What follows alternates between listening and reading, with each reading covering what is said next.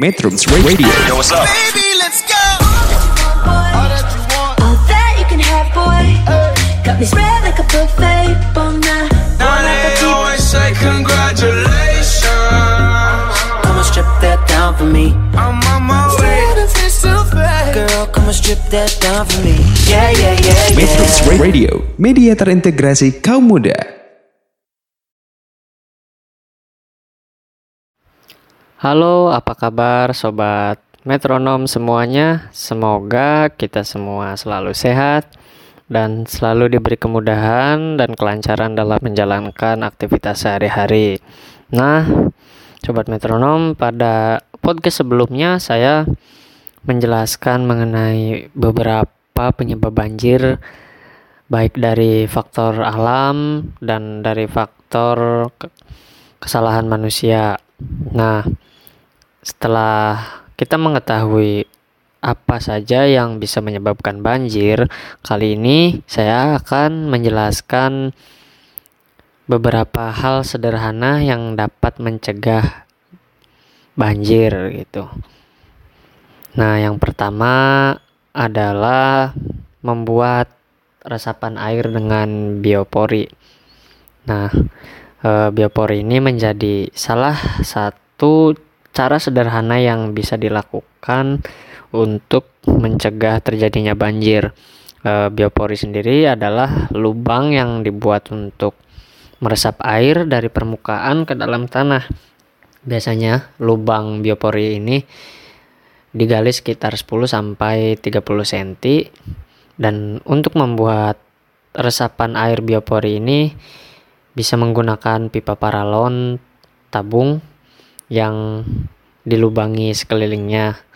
Kemudian untuk melubangi tanah itu menggunakan bor tanah dan eh, si lubang itu diisi dengan sampah organik yang kemudian sampah tersebut bisa menjadi pupuk organik untuk tanaman gitu. Jadi sangat bermanfaat sekali gitu membuat lubang biopori ini selain mencegah banjir karena dengan adanya biopori air bisa terserap ke tanah.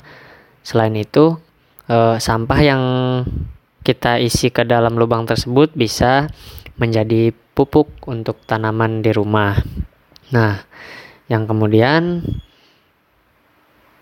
kedua adalah eh, menghindari penggunaan semen dan kita beralih menggunakan paving block yang bisa menyerap air. Ini salah satu penyebab banjir kan memang akibat dari tidak bisanya air terserap ke dalam tanah karena permukaan tanah ini banyak tertutup oleh semen terutama di kota-kota besar gitu. Nah, dengan pemasangan paving block ini juga bisa menjadi solusi sederhana untuk menghindar menghindarkan terjadinya banjir. Nah, paving block ini juga bisa mencegah banjir karena eh, apa? Paving block ini memiliki celah-celah kecil untuk masuknya air ke dalam tanah gitu. Jadi tidak tertutup rapat semua seperti ketika misal halaman rumah kita di semen gitu atau jalan kecil di ganggang itu di aspal atau di semen. Jadi tidak ada celah untuk air masuk ke dalam tanah.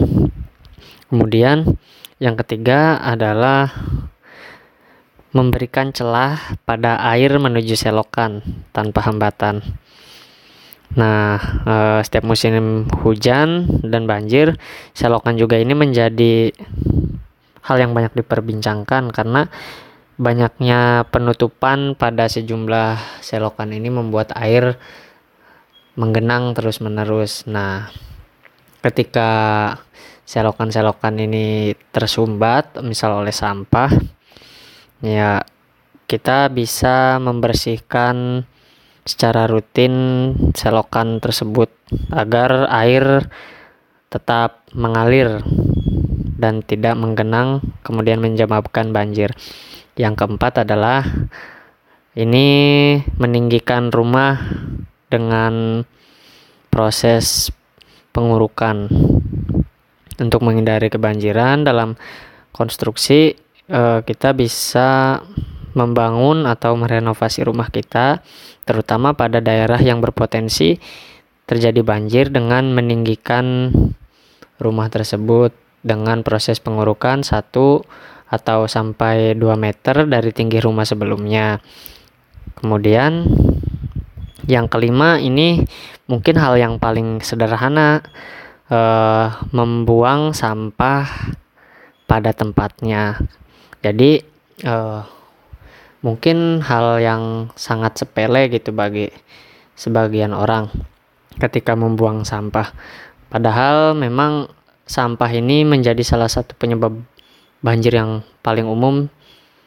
Karena sampah-sampah ini ketika hujan e, akan terbawa air dan apalagi ketika apa sampah-sampah tersebut terkumpul di saluran air Hmm, otomatis pada musim hujan akan menyumbat saluran air sehingga air tidak bisa mengalir secara maksimal dan menyebabkan saluran tersebut tidak bisa menampung banyak air hingga air tersebut meluap dan dapat menyebabkan banjir. Nah, ayo kawan-kawan, sobat metronom semuanya, eh, hindari atau hilangkanlah, hilangkan kebiasaan buruk dengan membuang sampah pada tempatnya. Jadi jangan apa ya? Jangan membuang sampah seenaknya gitu.